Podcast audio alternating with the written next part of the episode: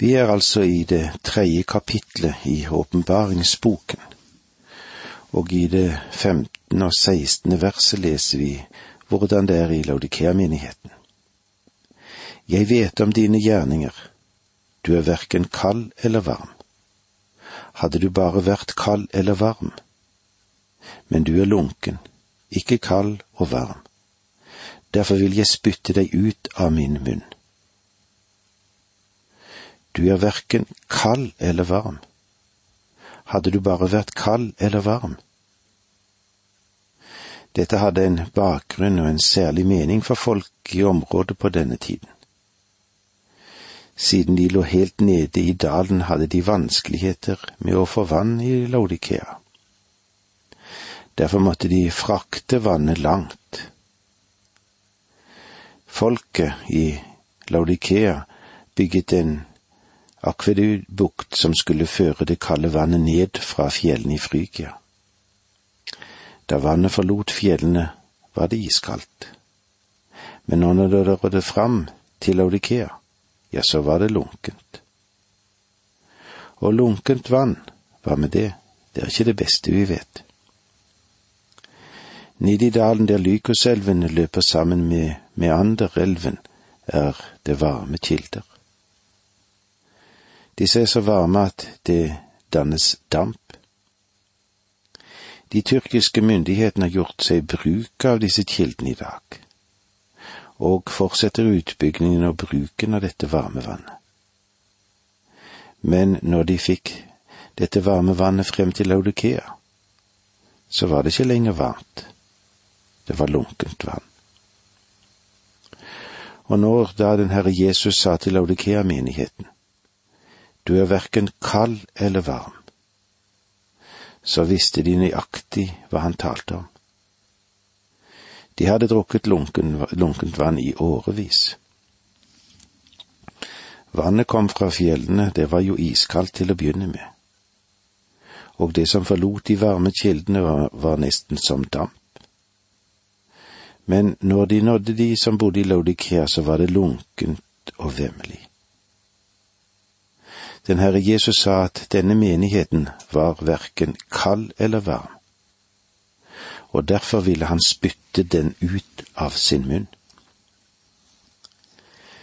En kald menighet betyr faktisk en menighet som har fornektet enhver hovedlæresetning for den kristne tro. Den sitter igjen med formaliteten og har direkte eller indirekte sluttet seg til den aktivitet som motarbeider Guds ord, som motarbeider Kristi evangelium.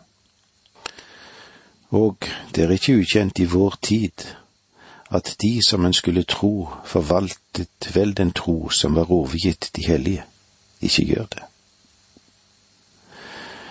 Varme, det taler om de som har virkelig åndelig intensitet og varme slik som det var med de kristne i Efesos.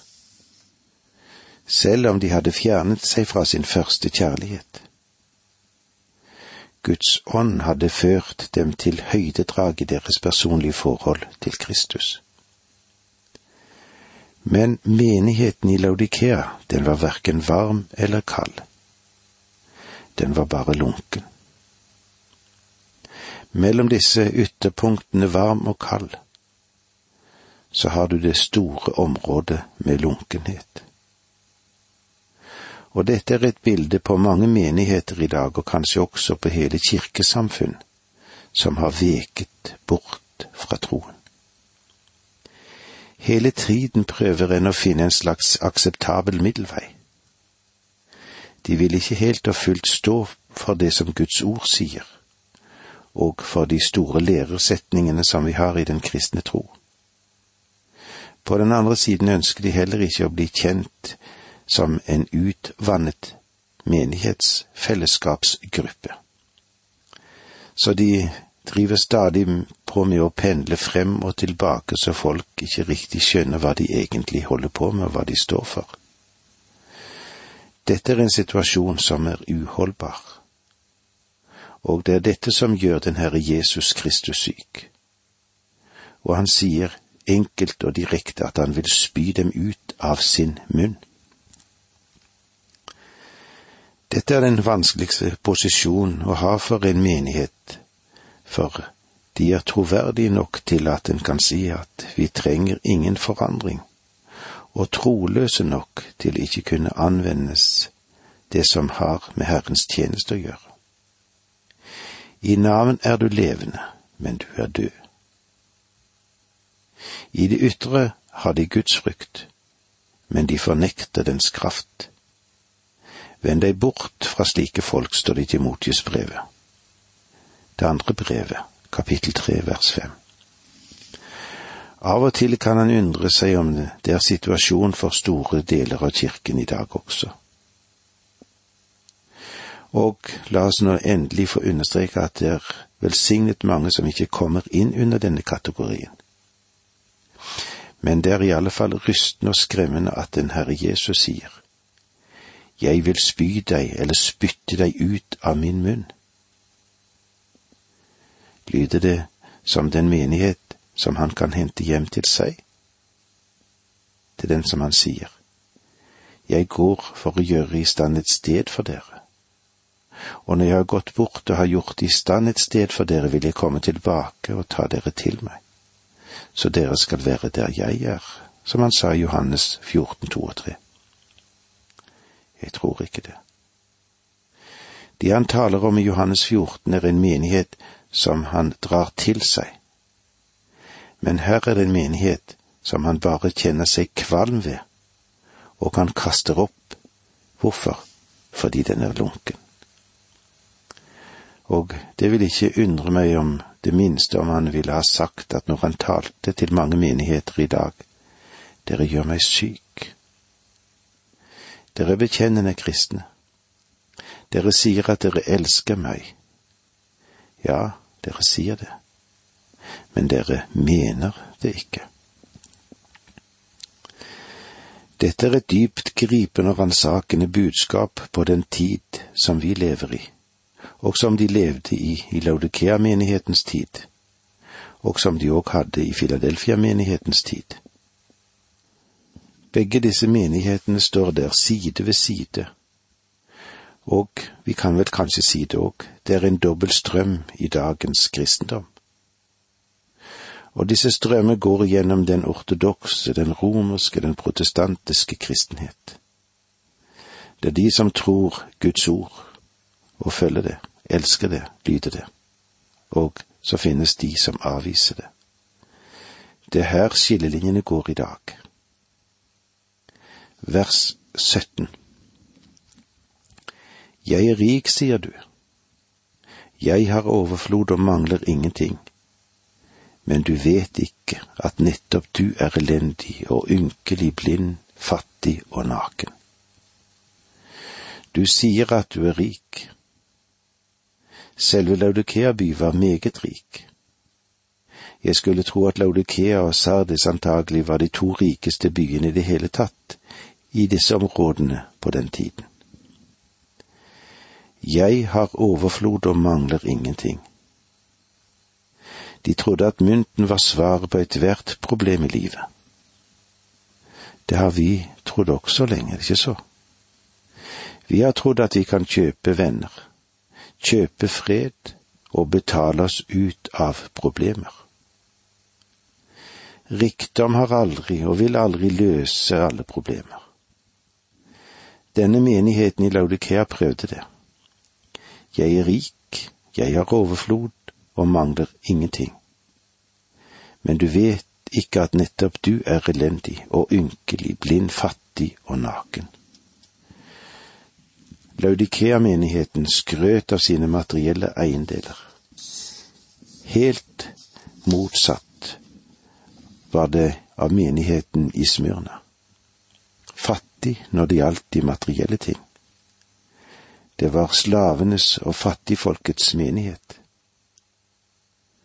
Der var det ikke mange rike. Her var det ingen mange høybårne. Og Paulus skriver i første Korinterbrev 1, 26.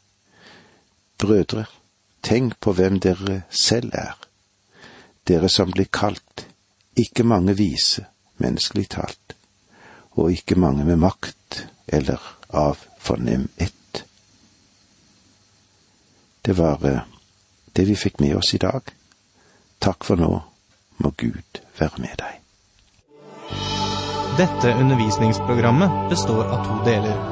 Åge Nevland fortsetter nå med andre del av dagens undervisning. Vi er i Johannes' åpenbaring. Vi har sett innom de forskjellige menighetene, og nå er vi i Laudikea-menigheten. Laudikea-menigheten, som det beskrives om på denne måten i vers 17 i det tredje kapitlet. Jeg er rik, sier du. Jeg har overflod og mangler ingenting. Men du vet ikke at nettopp du er elendig og ynkelig blind, fattig og naken. Jordisk rikdom og suksess er nå da målestokken også for en moderne kirke. Samtidig så har en mistet av syne de åndelige verdier som blir oversett.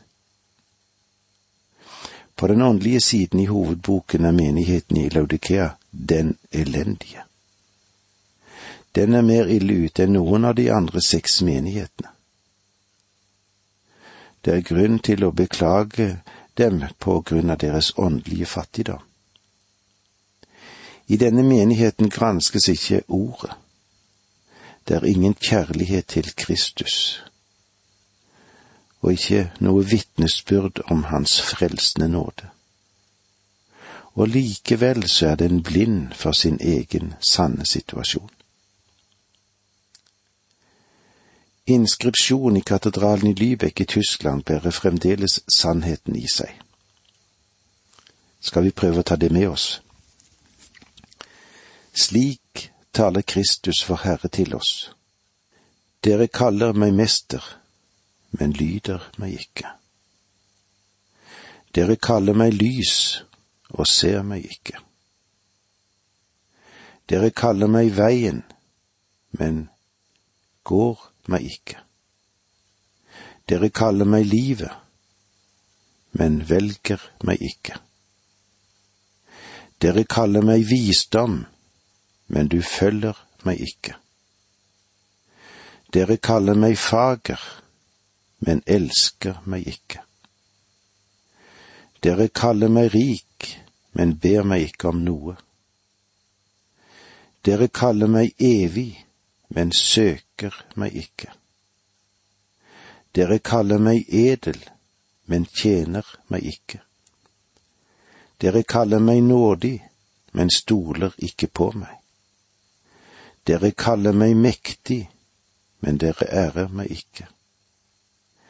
Dere kaller meg rettferdig, men frykter meg ikke. Om jeg fordømmer dere, så gi meg ikke skylden.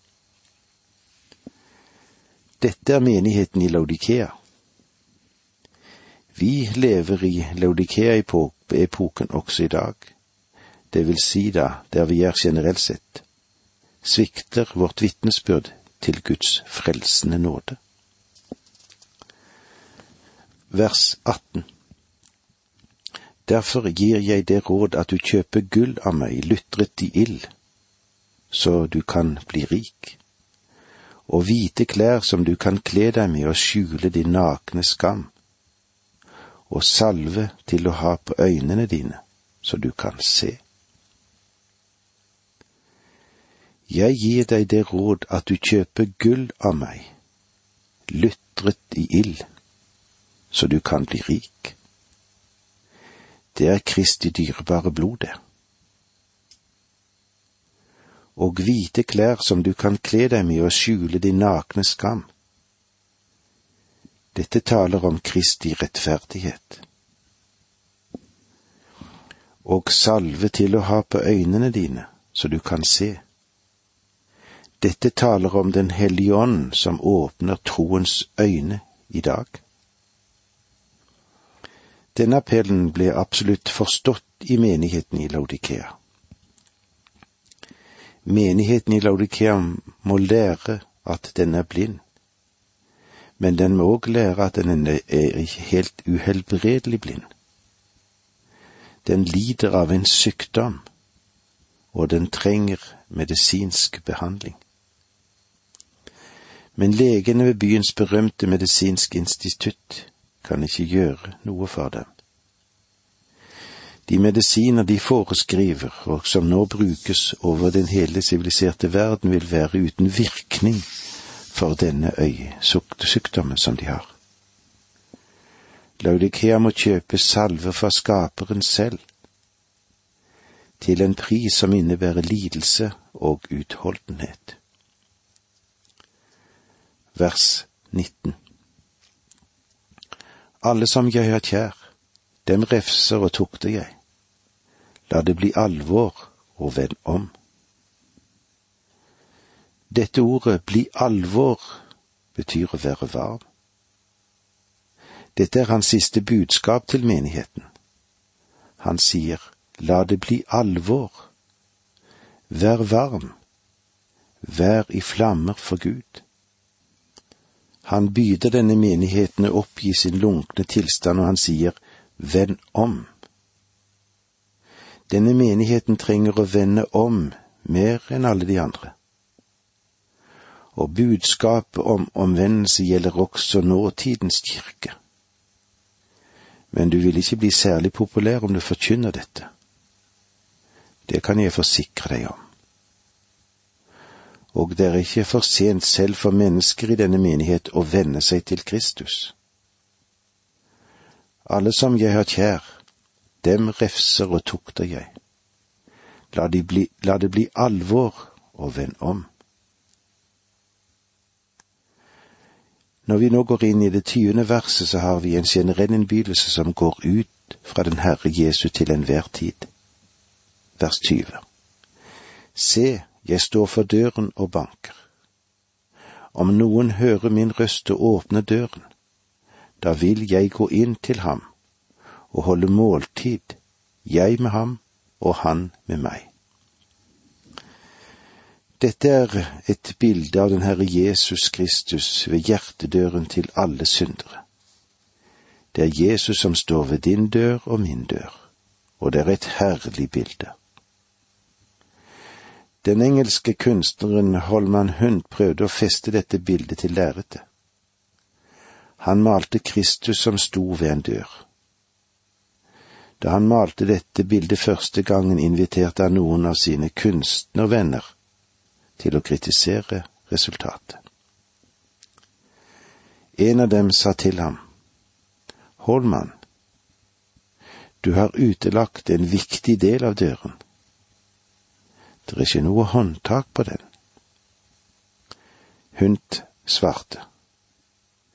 Denne døren er et bilde på menneskehjertet, og håndtaket til døren sitter på innsiden. Dette er det bildet av Kristus som vi har i åpenbaringsboken. Han står foran døren og banker. Han knuser ikke døren. Den Herre Jesus har rystet himmel og helvete for å nå hjertets dør. Men når han kommer dit, så stopper han og banker. Vi må selv åpne døren for å lukke ham inn. Jeg vil gå inn til ham og holde måltid, jeg med ham og han med meg. Dette taler om fellesskapet, det, om å ta til seg de rette Gud stiller frem i sitt ord, slik at du skal kjenne Jesus Kristus så mye bedre. Vers 21 Den som seirer, ham vil jeg la sitte sammen med meg på min trone like som jeg selv har seiret og satt meg med min far på hans trone. Jeg vil igjen at du skal feste oppmerksomheten ved at når den Herre Jesus taler om ditt forhold til sin far, så gjør han det til noe unikt, noe enestående. Han sier min far. Forholdet mellom Faderen og Sønnen det er noe helt enestående. Den Herre Jesus forbereder oss på den neste scene som vil komme når han sier, og satt meg ved min far på hans trone. Dette bildet vil vi få møte nærmere i de kapitlene som følger. Men i vers 22, kapittel 3, den som har ører, hør hva Ånden sier til menighetene. Dette er et spesielt budskap fra den Herre Jesus til alle menigheter, og du trenger et øre han har rørt ved for å høre det. Det er grunnen til at du og jeg må granske Guds ord med aktsomhet, slik at vi ikke løper foran Guds ånd, men at vi lar ham være vår lærer. Når han rører ved deg, så vil du høre hva han har å si. Bare Guds ånd kan gjøre Guds ord levende for deg. Dette avslutter budskapene som vi har fått til de syv menighetene. Dette er de ting som er, og de er og har vært meget viktige. Vi har brukt en del tid på disse syv menighetene, fordi de angår den tidsepoke som vi lever i, og i den kristengruppe som vi tilhører. Så er spørsmålet, er vi medlemmer i Hans kirke, i Hans menighet, så er vi også lem på Hans legeme. En del av det store fellesskapet som begynner med pinsedag og går gjennom historien til dette øyeblikk, og knytter sammen alle dem som har stolt på den Herre Jesus som frelser. Og med disse ordene sier vi takk for nå, må Gud være med deg.